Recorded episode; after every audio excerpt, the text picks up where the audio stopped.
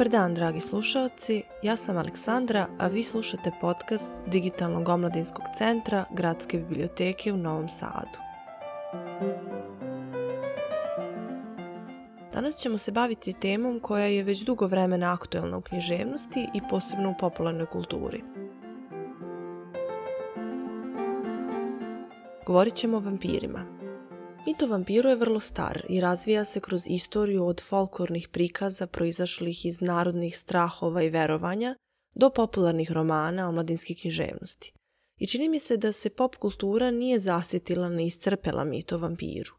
Od intervjua sa vampirom, preko Buffy i ubice vampira, vampirskih dnevnika, sumrak sage, prave krvi, pa Marvelovih Blade-a i Morbiusa, filmova Samoljubavnici opstaju, šta radimo u senkama – od sumraka do svitanja, veratovi, mračne senke, otkriće veštica, podzemni svet Salemo, Stephena Kinga i bezbroj adaptacija Drakule, od animirane serije Castlevania do miniserije Stephena Moffata.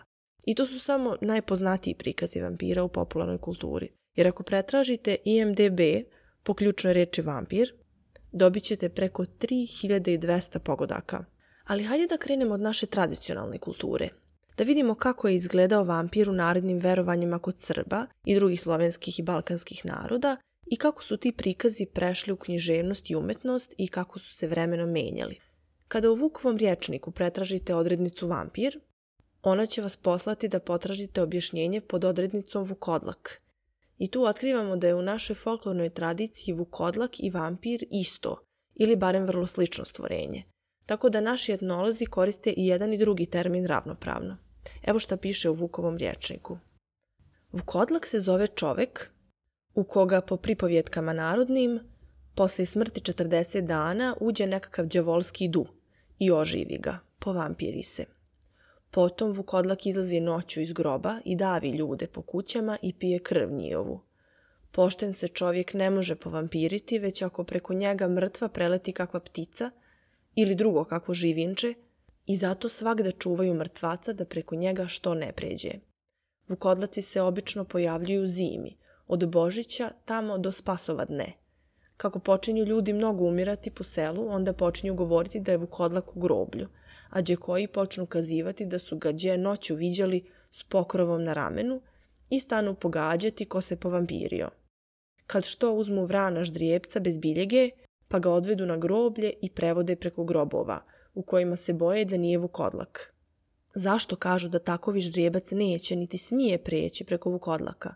Ako se o kom uvjere i dogodi se da ga iskopavaju, onda se skupe svi seljaci s glogovim koljem, zašto se on samo glogova koca boji, zašto govore kad ga spomenu u kući, na putu mu broć i glogovo trnje. Pa raskopaju grob, iako njemu nađu čovjeka da se nije raspao, a oni ga izbodu onim koljem pa ga bace na vatru te izgori.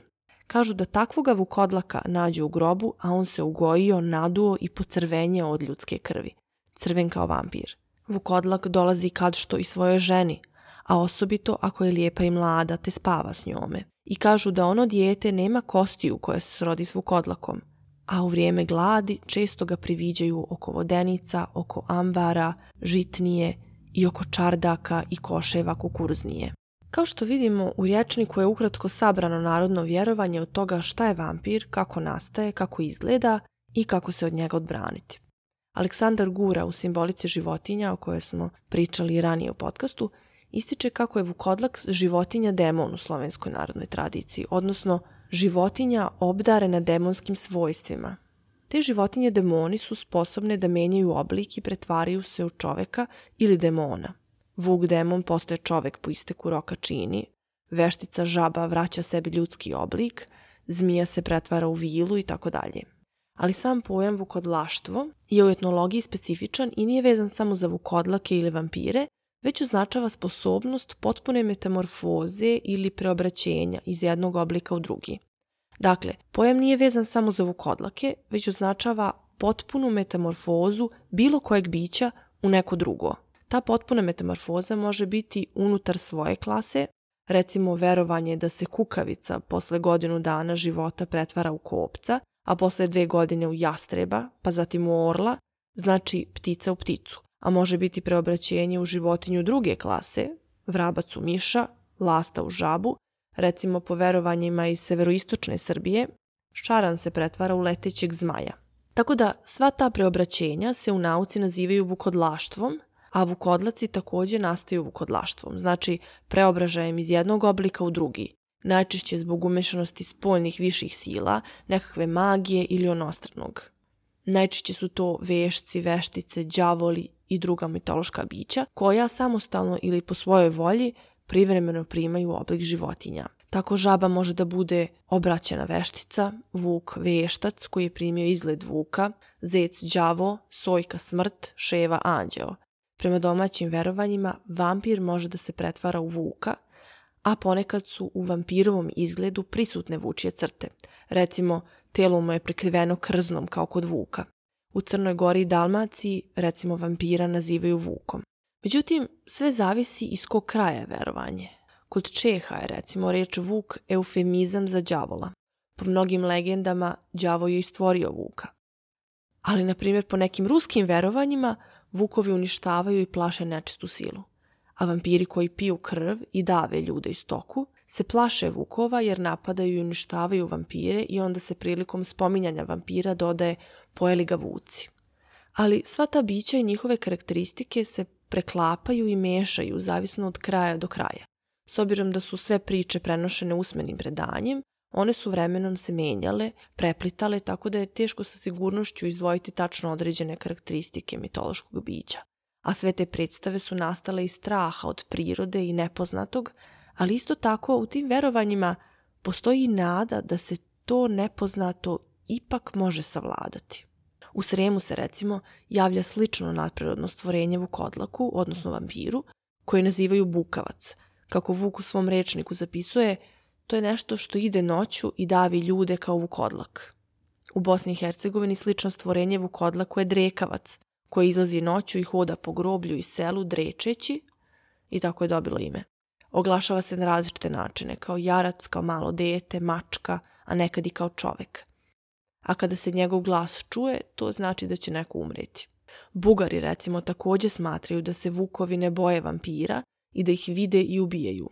Ali pazite sad, pored vukova, to mogu i ljudi koji su rođeni u subotu i koji da bi savladali vampira moraju da jedu meso ovce koju je udavio vuk. To su te magijske radnje koje štite od nadprirodnih sila i one su vrlo specifične i maštovite. I Bugari recimo razlikuju vukodlaka i vampira. Kod njih je vukodlak čovek koji noću i u određenim periodima godine prima vuči oblik. A vampir nastaje tako što je njegova majka za vreme trudnoće jela meso životinje koje ubiju vuk. Kod Rusa, recimo, medved takođe ima demonološke predstave slične vuku, tako da oni imaju i medveda vukodlaka. U etnološkom zborniku Tihomira Đorđevića, Vampir i druga bića u našem narodnom verovanju i predanju, pronašla sam dosta zanimljivih priča o vampirima kod nas i preporučujem ovaj zbornik ako vas interesuje ova tema detaljnije. Na primjer, u 20. članu Dušanovog zakonika zabranjuje se da se ljudi vade iz grobova i sažežu. Ono selo koje bi to učinilo platit će vraždu, kaznu za ubijanje čoveka, a raspopiće se pop koji bi došao na to. Ovo je recimo vrlo interesantan izvor i znači da je mit o vampiru bio aktuelan još u srednjem veku kod nas. U jednom odlomku iz Nomo kanona, za koji se veruje da je najkasnije iz 17. veka, piše da pravoslavna crkva zabranjuje spaljivanje vukodlaka i kađenje nad njima, pod kaznom da se oni koji to čine ne mogu pričestiti za šest godina. Ostala je zabeležena i pripovest iz 1672. godine iz Kringa u Krajinskoj u današnjoj Sloveniji. Tihomir Đorđević piše – Tamo je mesni sveštenik video živa Đuru Grado, koga je pre toga bio opevao i koji je zatim otišao svoje ženi, napastvovao je i lupom uznemiravao seosko stanovništvo. Kad su mu otvorili sanduk, našli su telo crveno. Na to on podviknu i svi se razbegoše. Najzad, pozvani od starešine, oni se noseći pred sobom raspeće, vrate. Mrtvac stade plakati, ali ga oni ubiše. On se drao i ispunio je grob krvlju. I sličnih ispovesti ima više nego što bismo očekivali.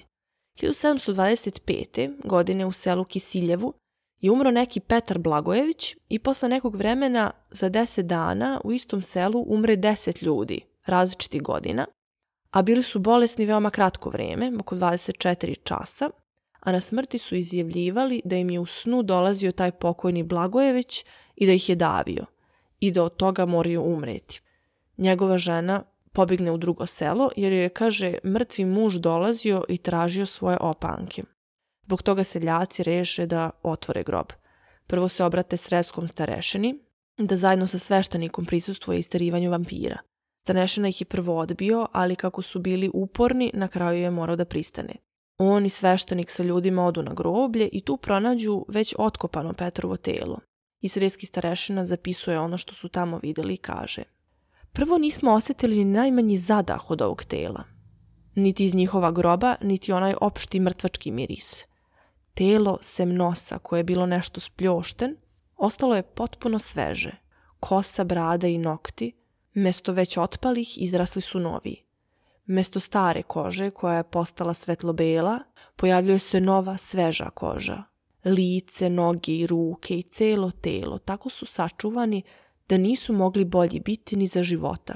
U njihovim ustima primetio sam, sa najvećim iznenađenjem, malo sveže krvi, koju je po opštim kazivanju i mišljenju isisao iz onih koje je umorio. Uopšte nađeni su svi znaci koje takvi ljudi treba da imaju. Pošto smo ja i Pop sve ovo videli, narod je u najvećoj hitnji zaoštrio jedan kolac i njime probio mrtvaca posred srca. Pri ovom bodenju pojavila se sasvim sveža i crvena krv koja je potekla i kroz uši i na nos. Posle su po običaju za ovakve slučajeve spalili telo i pretvorili ga u pepeo. E sad, doktor Đorđević nije ubeđen da je sredski starešina baš sve to video, nego da je izveštaj sastavljen na osnovu verovanja i kazivanja seljaka. Ali po ovakvim svedočanstvima vidimo da je verovanje u vampire bilo vrlo rašireno i vrlo živo među narodom. U različitim izvorima pronalazimo različite podatke o tome u koje vrijeme posle smrti se pokojnik povampiri. Nekad je to 3 dana, nekada 40, a nekada još dok je pokojnik u kući. Kako piše u Vukovom rječniku, mrtvac se povampiri ako preko njega preleti neka ptica ili druga životinja i zato se pokojnik čuva od smrti do sahrane. Po drugim verovanjima opet povampirit će se onaj ko je tokom života mnogo želeo neku stvar i nije mogao nabaviti, ili povampire se ljudi koji umru neprirodnom smrću, izvrše samoubistvo ili poginu ili ako umru bez ispovesti. Kada je u pitanju fizički izgled vampira i to se razlikuje. U Slaveoniji se smatralo da imaju gvozdene zube i da se samo po tome razlikuju od ljudi. U Sremu se verovalo da imaju žuto lice, crvene oči, naježenu kožu, plave usne, crne zube i krvave ruke. Negde se govori da vampir izgleda isto onako kako je izgledao pokojnik pre smrti, a nekad se preobražava u druge životinje, poput psa, kokoši, svinje, guske i konja. I to su te karakteristike vukodlaštva, preobražavanja u, druge, u druga bića.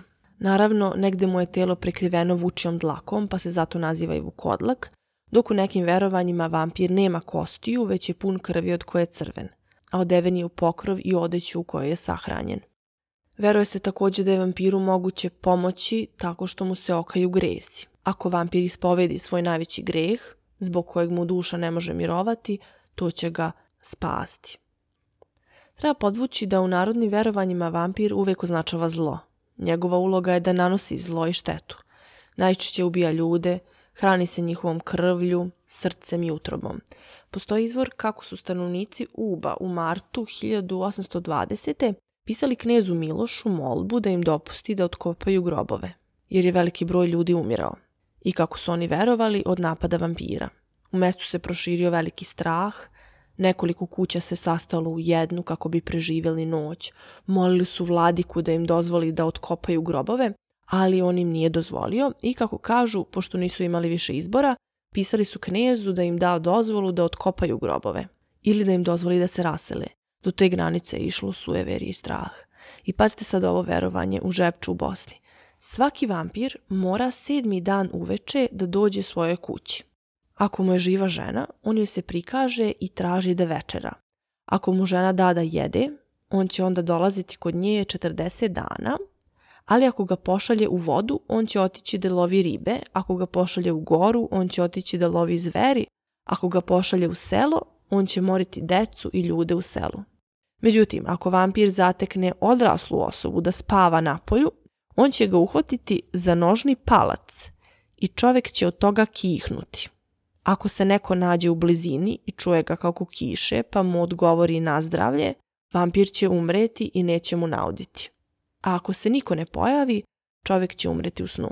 Prosto me oduševljavaju kreativnosti i detalji u ovakvim verovanjima. I oni su svakako bili zanimljivi i piscima da vekovima kasnije crpe inspiraciju iz ovih i sličnih verovanja, a opet razmišljam o tome kako li je bilo živeti u takvom okruženju, kako bi bilo živeti u takvom strahu i strepnji od nečistih sila koje vrebaju iza svakog mračnog ćoška, na raskršćima i kako je zapravo bilo komplikovano pridržavati se svih tih pravila u svakodnevnom životu. Sigurno nije bilo lako. Ali, pored verovanja da vampiri ubijaju ili ti more ljude, isto tako postoje predanja u kojima se ljudi tugu sa vampirima. Kada ih sretnu na putu, pa ih izazovu na dvoboj. Isto tako vampiri napadaju i stoku i piju im krv. Kreću se od mraka do prvih petlova i mogu se sresti na tako nekim graničnim mestima gdje inače borave nečiste sile. Na raskrsnicama, guvnima, oko nekih zidina, mostova, jama, potoka, u gluvo doba na grobljima, oko voda i mlinova. Verovanje koliko dugo vampir živi se također razlikuje. Negde se smatra da vampir živi dok god ga neko ne ubije, što onda znači da je besmrtan. Dok postoje verovanja da đavo može da osudi pokojnika da određeno vrijeme bude vampir, a opet drugi smatraju da vampir ne može više od 40 dana živeti i da se nakon toga vraća u grob. Međutim, vrlo je interesantno primijetiti u kojim se to uslovima pojavljuju vampiri. Kao što smo vidjeli kod Vuka u rječniku, vampir se priviđa oko vodenica, žitnih ambara, kukuruznih čardaka u vrijeme gladi.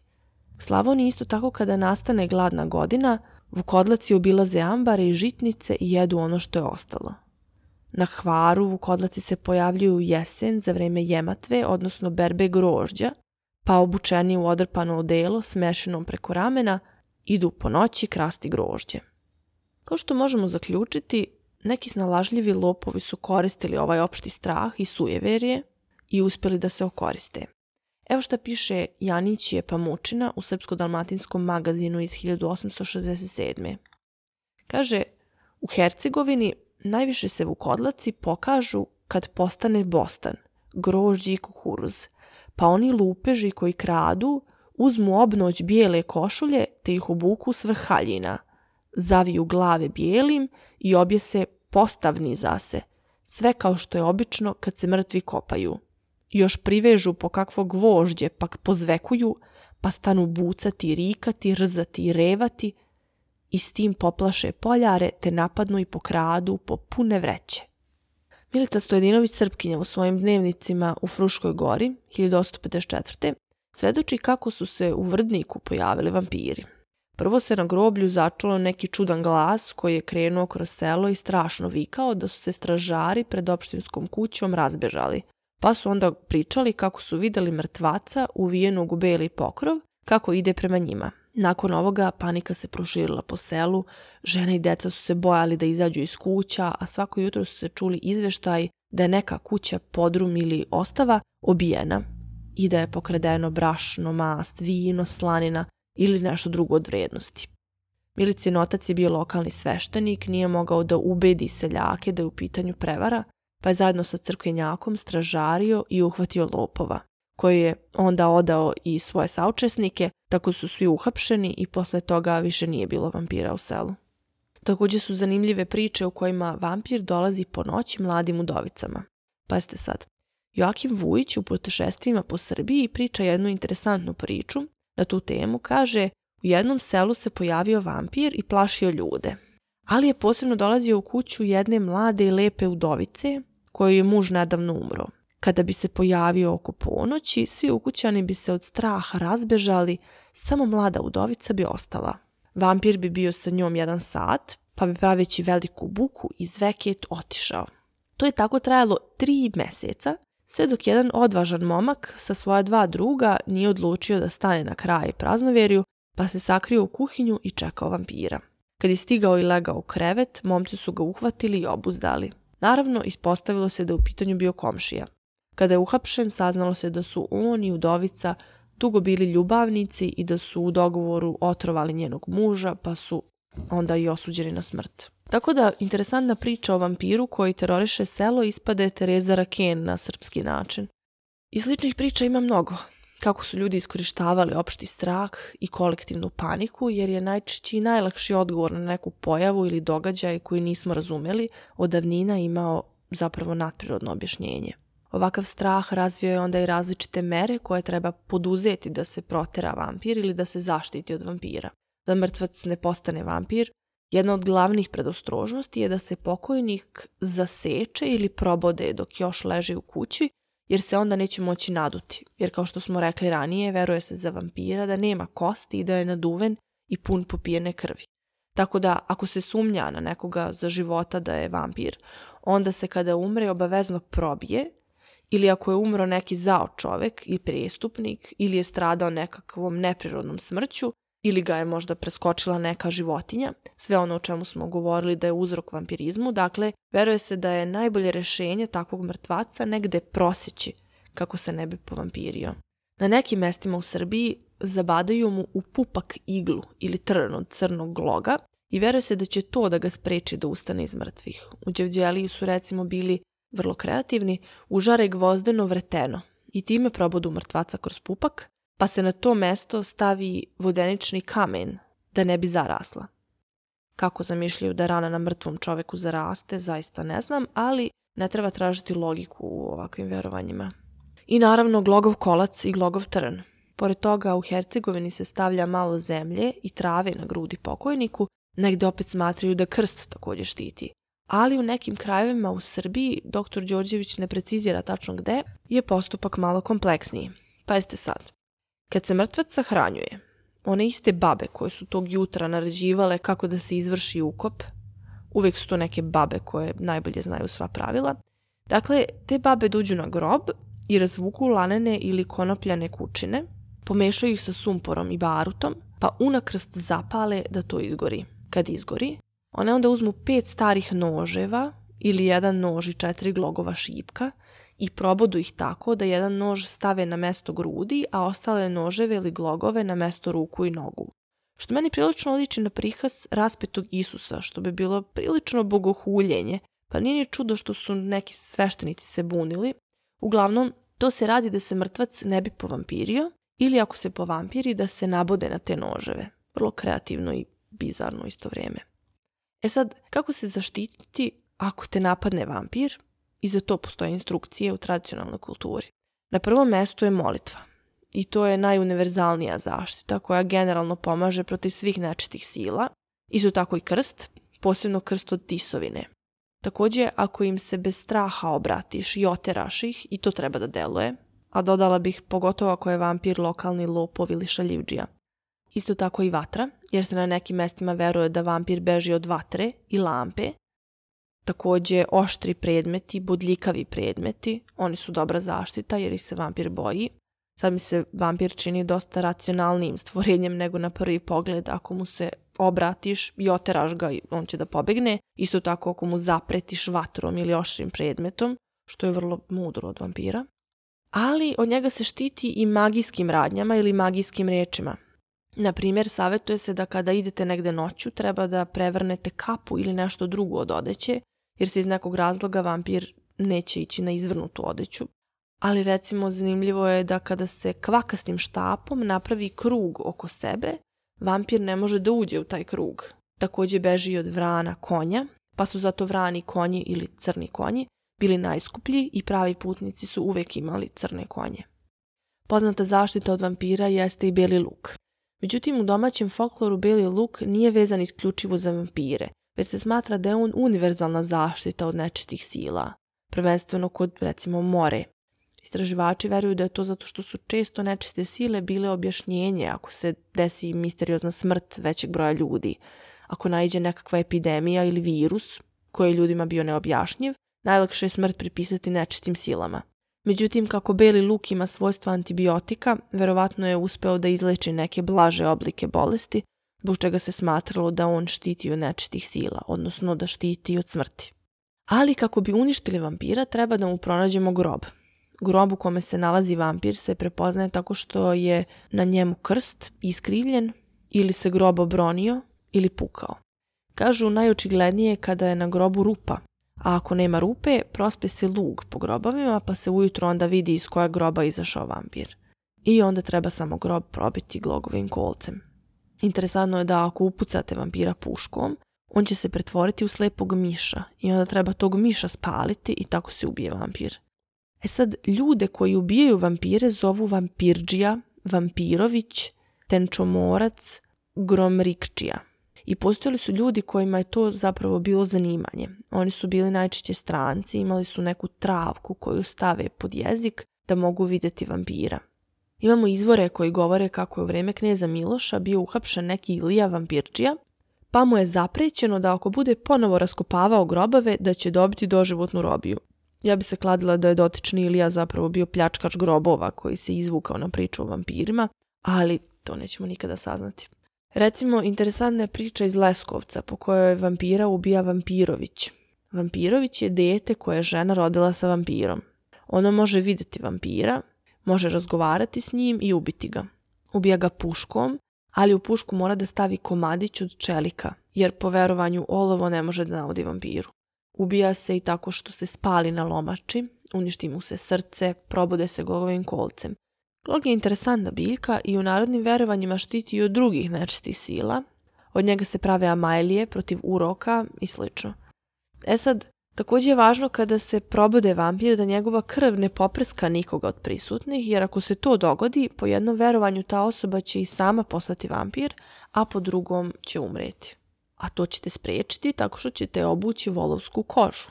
Pa je, na primjer, zabeleženo kako su u lici ljudi obukli popa u volovu kožu, kad je ubio vampira. Isto tako u Hercegovini su ljudi kroz volovu kožu probijali grob, kako krv ne bi poprskala nikoga od prisutnika.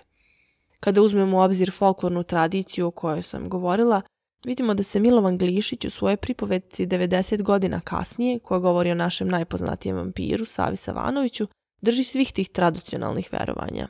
On napada ljude u vodenici, puška ne može da ga ubije, seljaci pronalaze grob u kom Sava Savanović kaže leži čitav čitavcat čovek, kao da su ga juče tu spustili, samo što je preturio nogu preko noge, ruke pružio pored sebe, naduven kao mešina, sav crven, činiti se sama je krv. Jedno oko sklopio, a drugo mu otvoreno. Na prsima mu se poznaju dve rane od puške, ali gotovo obe zarasle. Dakle, i fizički opis Save Savanovića je u skladu sa narodnim verovanjem. Oni ga onda probadaju glogovim kolcem i posipaju svetom vodicom i tako ubijaju. Doduše iz njihovih usta izlazi leptir koji nisu uspjeli da uhvate. To predstavlja zapravo duh, nekakvu demonsku silu koja je oživela mrtvaca i taj leptirak, kako kaže narator, kasnije mora i malu decu, ali ne može nauditi odraslima. Pretpostavljam da ste gledali kultni film Leptirica iz 1973. godine koji je rađen po motivima pripovetke. Ovdje je autor prekrojio glišće u priču po nekom svom senzibilitetu i učinio je još misterioznijom, a simbolika fantastičnih momenata je razrađena u malo drugačijem stilu. Ono što je najočiglednije jeste sam kraj koji se razlikuje od pripovetke, unosi jezu, ostavlja priču otvorenom i određenom smislu, pušta zlo u svet – a stvarnost postaje kontaminirana. Ako na početku imamo prikaz sveta koji se menja i iskrivljuje, da kažemo pravila igre se komplikuju kada otkrijemo prisustvo nadprirodnog koje preti da ugrozi poznatu stvarnost. U ovakvim pričama onda imamo nekog junaka ili junakinju ili grupu ljudi koji pokušavaju da pobede to zlo i vrate pređašnje stanje stvari tako da gledalac donekle proživljava katarzu ili oslobođenje ali se to u leptirici ne događa jer zlo triumfuje i na najneočekivaniji način ostaje nedetektovano. Što znači da svijet ostaje kontaminiran i što još strašnije, njegovi stanovnici nisu svesni opasnosti koja vreba. Sjećam se kad sam kao jako mala gledala taj film, to mi je bio prvi susret sa hororom, imala sam možda 7-8 godina i praktično sam onako gledala vireći kroz prste koliko mi je bio strašan film i onda sam nedeljama kasnije imala noćne more i slabo spavala, tako da narednih deset godina nisam gledala horror filmove. Ali da se vratimo na temu, kao što reditelj Leptirice koristi poznatu priču i tradicionalne folklorne elemente, ali gradi nešto novo i drugačije. Tako i drugi umetnici kao inspiraciju koriste istorijske izvore, narodna verovanja i predanja i od njih grade više ili manje autentična bića i svetove uz pomoć kojih pričaju neku novu priču. Isto tako, književnost ima drugačiju ulogu u društvu od mita. Mit je nešto u što se veruje, on objašnjava svet i njegova pravila, a književnost od uvek priča priče, tumači stvarnost, približava ili udaljava od čitaoca. I njena funkcija je, pored obrazovane, često samo zabava. Tako da ona interpretira mit o vampiru na svoj način i ponekad ga koristi da iznese neke životne istine uz pomoć simbolike, umetničke slobode i prenesenih značenja. Česta simbolika vampira u književnosti je, na primjer, u tome što on predstavlja drugost koja preti čovečanstvu, pa sublimira strahove društva u kojem se pojavljuje. Uzet ćemo za prvi primjer najpoznatijeg vampira u svetskoj književnosti, nakon kojeg je vampir kao fantastično biće postao popularan i poznat. Naravno, grofa Drakulu, Brama Stokera. Ali to nije prvi vampir, ali jeste svakako najpoznatiji, najpopularniji i ustanovio je neka osnovna pravila na koje su se kasniji autori oslanjali. Stoker je iskoristio istoriju, lokalne legende i praznoverije, iskombinovao ih i uz dodatak mašte napisao roman koji je zaovek obeležio žanr fantastike i gotskog romana. Ako tako posmatramo lik vampira u književnom delu, Drakulu možemo shvatiti kao strah zapada od dolaska istoka, koji će pokušati da ga pokori. I često ćete naići na ovakvu kritiku Stokerevog romana, gde Drakula predstavlja varvarsku, necivilizovanu drugost, koja preti modernoj zapadnoevropskoj civilizaciji. Pored straha od drugosti, Drakula predstavlja i strah od toga da će nam modernost i nauka, koja je u to vreme bila u nagloj ekspanziji, da će zbog njihovog skepticizma moderno društvo izgubiti dodir sa tradicijom i izgubiti ljudskost. To možemo da vidimo u liku Van Helsinga, koji je jedini dovoljno širokog uma da je u stanju da posumnja i prihvati činjenicu da vampiri postoje, uprkos tome što se njihovo postojanje kosi sa svim onim što nauka propoveda. Drakula iskorištava upravo taj skepticizam modernog društva prema tradicionalnom narodnom, uslovno rečeno znanju, što mu onda pomaže da ga lakše pokori. Van Helsing jedini može da pobedi Drakulu jer se zalaže za spoj tradicionalnog i modernog. Još jedan bitan motiv je strah od ženske seksualnosti koju Drakula budi. Time ruši viktorijanski ideal nežne, nevine i posvećene žene. Sa jedne strane imamo strah od Eve, dakle kada Drakula zavede žene koje se smatraju uvek podložnije grehu kao što je đavo zaveo Evu, zapadna civilizacija će pasti. Ovo je takođe povezano i sa strahom od necivilizovanog drugog koji sam spomenula. Zapadno društvo počiva na ideji da je potrebno sve nagone i potrebe obuzdati i podčiniti svoje volji i razumu, jer nagonsko je demonsko, razum i odricanje su božanski. U tome kolonizatori vide razliku između hrišćanskog društva i ostatka sveta za koji smatra da ima previše slobodan odnos prema seksualnosti i telesnosti. I to je sve varvarsko i demonsko i treba ga pokoriti, civilizovati jer preti ustrojstvu razvijenog društva. Isto tako kritika romana nalazi se i u činjenici što je pisac pokušao da kroz čitav narativ održi atmosferu straha, neprijatnosti, pretnje, što je vrlo teško izvesti jer čitanje romana traje nekoliko sati i gotovo je nemoguće svo vrijeme držati čitaoca u istom osjećanju. Mnogo je efektivnije povremeno kreirati epizode unutar kojih se gradi i kulminira napetost, jer ako je atmosfera konstantna, čitalac će da se navikne tako da više neće imati efekta. Kada razmislite, ovu grešku možete pronaći kod mnogih drugih pisaca i drugim žanrovima. Bitna prekretnica u priči o vampirima je Kopolina filmska adaptacija romana u kojem grof Drakula više nije rasna ni seksualna pretnja, već je čitava priča preosmišljena tako da postane ljubavna priča u kojoj Drakula pronalazi reinkarnaciju svoje voljene u telu Mine Murej, pa je čitava priča humanizovana. Ljudi koji pokušavaju da zaustave Drakulu zapravo staju na put pravoj ljubavi, tako da oni postaju negativci u očima gledalca. I upravo ta priča je ostala kolektivna asocijacija na grofa Drakulu, tako da je zaboravljeno na originalnog Drakulu koji dolazi u London jer zapravo želi da pokori zapadni svet, jer jako malo ljudi je zaista čitalo originalni tekst.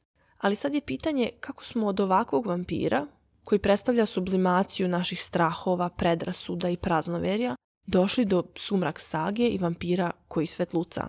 Vampira koji je zapravo ideal, koji je poželjan, a ne zao. Pa ako uzmemo u obzir ono što smo do sada rekli, da je vampir strah, mogli bismo zaključiti da je taj strah sada prevaziđen. Ako je vampir drugost, više ne želimo da oteramo drugost, već da je ukrotimo i kontrolišemo. Kada uporedimo Drakulu i Edvarda Kalena, evo što dobijamo. Edward takođe budi seksualnost kod Bele, kao Drakula kod Mine, tim da to nije predstavljeno kao negativna stvar, jer su viktorijanski ideali žene sad prevaziđeni. Dalje, Kalenovi ne piju ljudsku krv, već samo životinsku, znači oni su ukrotili taj demonski nagon u sebi, tako da je drugost pripitomljena, više nije opasna. Takođe, Edward se zaljubljuje u Belu, tako da i ona zavodi njega i na taj način se balans moći izjednačava. A ne smemo izostaviti ni to da pojedini kritičari tumače vampira kao simbol kapitaliste koji iscrpljuje radnike i ovu metaforu je koristio sam Karl Marx. Kako se menja društvo, tako se menjaju i mitovi. Vampir kao drugost više ne izaziva strah, nego sada izaziva želju. On je sad dosta bliži ljudima, zavisno od koje do koje predstave vampira, ali razlike su relativno male. Sad, da li svetluca ili gori na suncu nije toliko važno, ono što jeste velika razlika je u tome što vampiri imaju ljudske emocije i izgrađuju dublje veze sa ljudima. Oni vampiri koji ubijaju ne rade to zato što su otelotvorenje zla i zato što su demonska bića koja nemaju neku posebnu volju, već u čijoj prirodi je da naude ljudima. U modernim predstavama vampiri koji ubijaju ljude to rade iz nekih ljudskih razloga ili prosto žudnje za ubistvom. I to se dešava pored sumrak sagi, recimo u vampirskim dnevnicima, vampirskoj akademiji, otvari vrata pravom, prava krv i slično. U modernim i da kažem kvalitetnim predstavama vampira uglavnom je u pitanju studija o besmrtnosti ljudskosti, o tome šta bi se desilo sa čovekom kada bi postao besmrtan. Tu su nadprirodne osobine vampira samo dekor. Akcenat je na ljudskim manama koje se razvijaju vekovima. Odnosi se komplikuju i traju bezbroj godina. Kako bi izgledao život ako ne bi imao prirodan kraj? To je zaista primamljivo pitanje i kao što vidimo različite autori na različite načine odgovaraju na to pitanje. Na primjer, na pamet mi pada film uh, Samo ljubavnici opstaju, Only Lovers Left Alive, gdje imamo neobičnu atmosferu nekakve apatije, dosade i besmisla u beskonačnom postojanju u kojem su svi dani isti, nema više iznenađenja, nema uzbuđenja, samo nekakva jednoličnost. Dok je Stefani Majer odlučila da bi vampiri danas zilion puta pohađali srednju školu kako bi se uklopili u ljudsko društvo. E, istraživači smatraju za ključno delo koje menja predstavu o vampiru, delo Johna Williama Polidorija, Vampir, iz 1819. godine. Znači, napisano je pre Stokerovog Drakule, čiji je glavni junak u stvari plemić inspirisan Lordom Byronom. Ovaj vampir je inteligentan, ali je nepopravljivi zavodnik, bez društvene zadrške koje imaju poštovani pripadnici društva. Opisavši jednog lorda kao vampira, poništava se granica između čudovišnog i demonskog sa ljudskim i tako dobijemo priče u kojima se ove ideje dalje razrađuju. Problem nastaje u tome što se u modernim predstavama zapostavljaju sve osobine koje vampir ima, a koje ga čine čudovištem, pa on postaje praktično super junak, čovjek sa nadprirodnim moćima, gotovo nadčovek koji je besmrtan, veoma snažan i teško ga je ubiti i tako postaje ideal. Ali isto tako ti vampiri su donekle ponovo ispričana bajka o lepotici i zveri u kojoj je zver vampir. Dakle, u pitanju je ponovo ispričana bajka o lepotici i zveri u kojoj zver ostaje zver, jer je fizički privlačna. Edward je takav ideal da glavna junakinja u sumrak sagi želi sama da postane vampir. Na sve to Likovi u romanu kada postanu vampiri dobijaju super moći, pa tako Edward može da čuje misli ljudi oko njega. Njegova vampirska rođaka može da vidi budućnost i slično. I stvorivši takve likove i podelivši ih na dobre i zle, Majer je zapravo napisala jednodimenzionalne likove iz bajke. Ti vampiri imaju potpuno ljudska razmišljanja, osjećanja, stavove u životu, što je pomalo absurdno, jer očekivali biste od običnog čoveka koji je živeo 200 godina da ima drugačiji pogled na život, a pogotovo ako je u pitanju besmrtni vampir. Ali dosta mog rentovanja o Sumrak sagi. Knjiga nije napisana kao filozofsko promišljanje o smislu života, već prosto zabava za tinejdžere i to je skroz ok, jer i ta vrsta književnosti je neophodna i ima svoju publiku. Tako da, u početku je vampirizam predstavljao produžetak straha koji je pokojnik izazivao za života jer je logika bila da se nepošteni zao čovek teško može upokojiti, već će naći neki način da posle smrti šteti ljudima.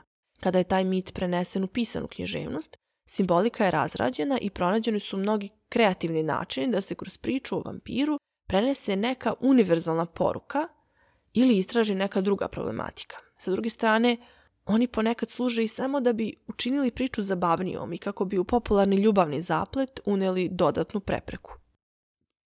Za kraj ću vam pročitati pesmu u prozi Jovana Aleksića koja sumira narodna verovanja o vampiru u jedan stilski uređen izraz. Vampir. 40 dana od sahrane, ljut zbog uskraćenog života, novopečeni vampir ustaje iz hladnog groba. Ponižen i uvređen, osvetnički se vije kroz kuću u kojoj se upokojio. Vampir je rugoba od bivšeg čoveka ili žene. Povampirena duša je razgolićena skroz naskroz. Crveni se kao jarac živoderac. Živ klan nedoklan, živ pečen nedopečen. Naduven je podgojen od straha onih koji su ga nadživeli. Zavidan na život živih grobljanski begunac se iz noći u noć bezglavo lomata po bivšoj kući. Pakosnik. Raspamećuje ukućane. Rasejava nespokoj. Vratara kroz sobe tamo i ovamo. Spotiče se u pomračini čangrće tajnovito, ne dajući glasa od sebe, kao tuđinac. Rodbini je nevoljnik, komšiluku glavobolnik. Dođe im da ga zgrome od muke, neka mu Bog bude sudija. Zaludno je nadati se da će vampir trn u oko živima sam od sebe da se dozove pameti i da će prestati da se ponaša kao da se preporodio. Krčak ide na vodu dok se ne razbije. Vampir seca ukućane dok im se ne popne na glavu. Onda pometena svojta odluči da se otarasi po vampirenog rođaka. Kako? Ovako. Grana gloga se zašilji kao ražanj. U ponoć konj vranac se navede da prekorači grob. Glogov kolac se zabije u humku nemilog pokojnika. Pri tome se izgovara prijetelica, zagrobnica. Nemir doneo, nemir odneo, gde stao tu ostao, na putu ti broći glogovo trnje, glogov trnak bio ti konak. I voda ima zube, kamoli reč. Nažalost, vampir se zuba te pretnje ne boji. Jedina zašta je da se posumnja u povampirenje pokojnika. Ko u vampirstvo ne veruje, vampir od takvog nevjernog tome diže ruke. Ni detlić ne kljuje gde može da dokljuje. Batališ ti njega, batali on tebe. Niti tebi zebe srce od vampirskog hladnog groba, niti njemu klecaju kolena od tvog logovog koca. Nikom ništa. Dragi slušaoci, to bi bilo sve u današnjem podcastu. Priča o vampirima nije ni pošto iscrpljena. Ja sam se danas ograničila na domaći folklor i mnogi stvari sam površno prešla, ali ako bismo se osvrnuli na predstave o vampirima u drugim kulturama i produbili analizu savremenih ostvarenja, ovaj podcast se nikada ne bi završio. Nadam se da vam je priča bila zanimljiva i da ćete posle nje na drugačiji način posmatrati predstave o vampirima u popularnoj kulturi. Srdačan pozdrav i do sljedećeg slušanja.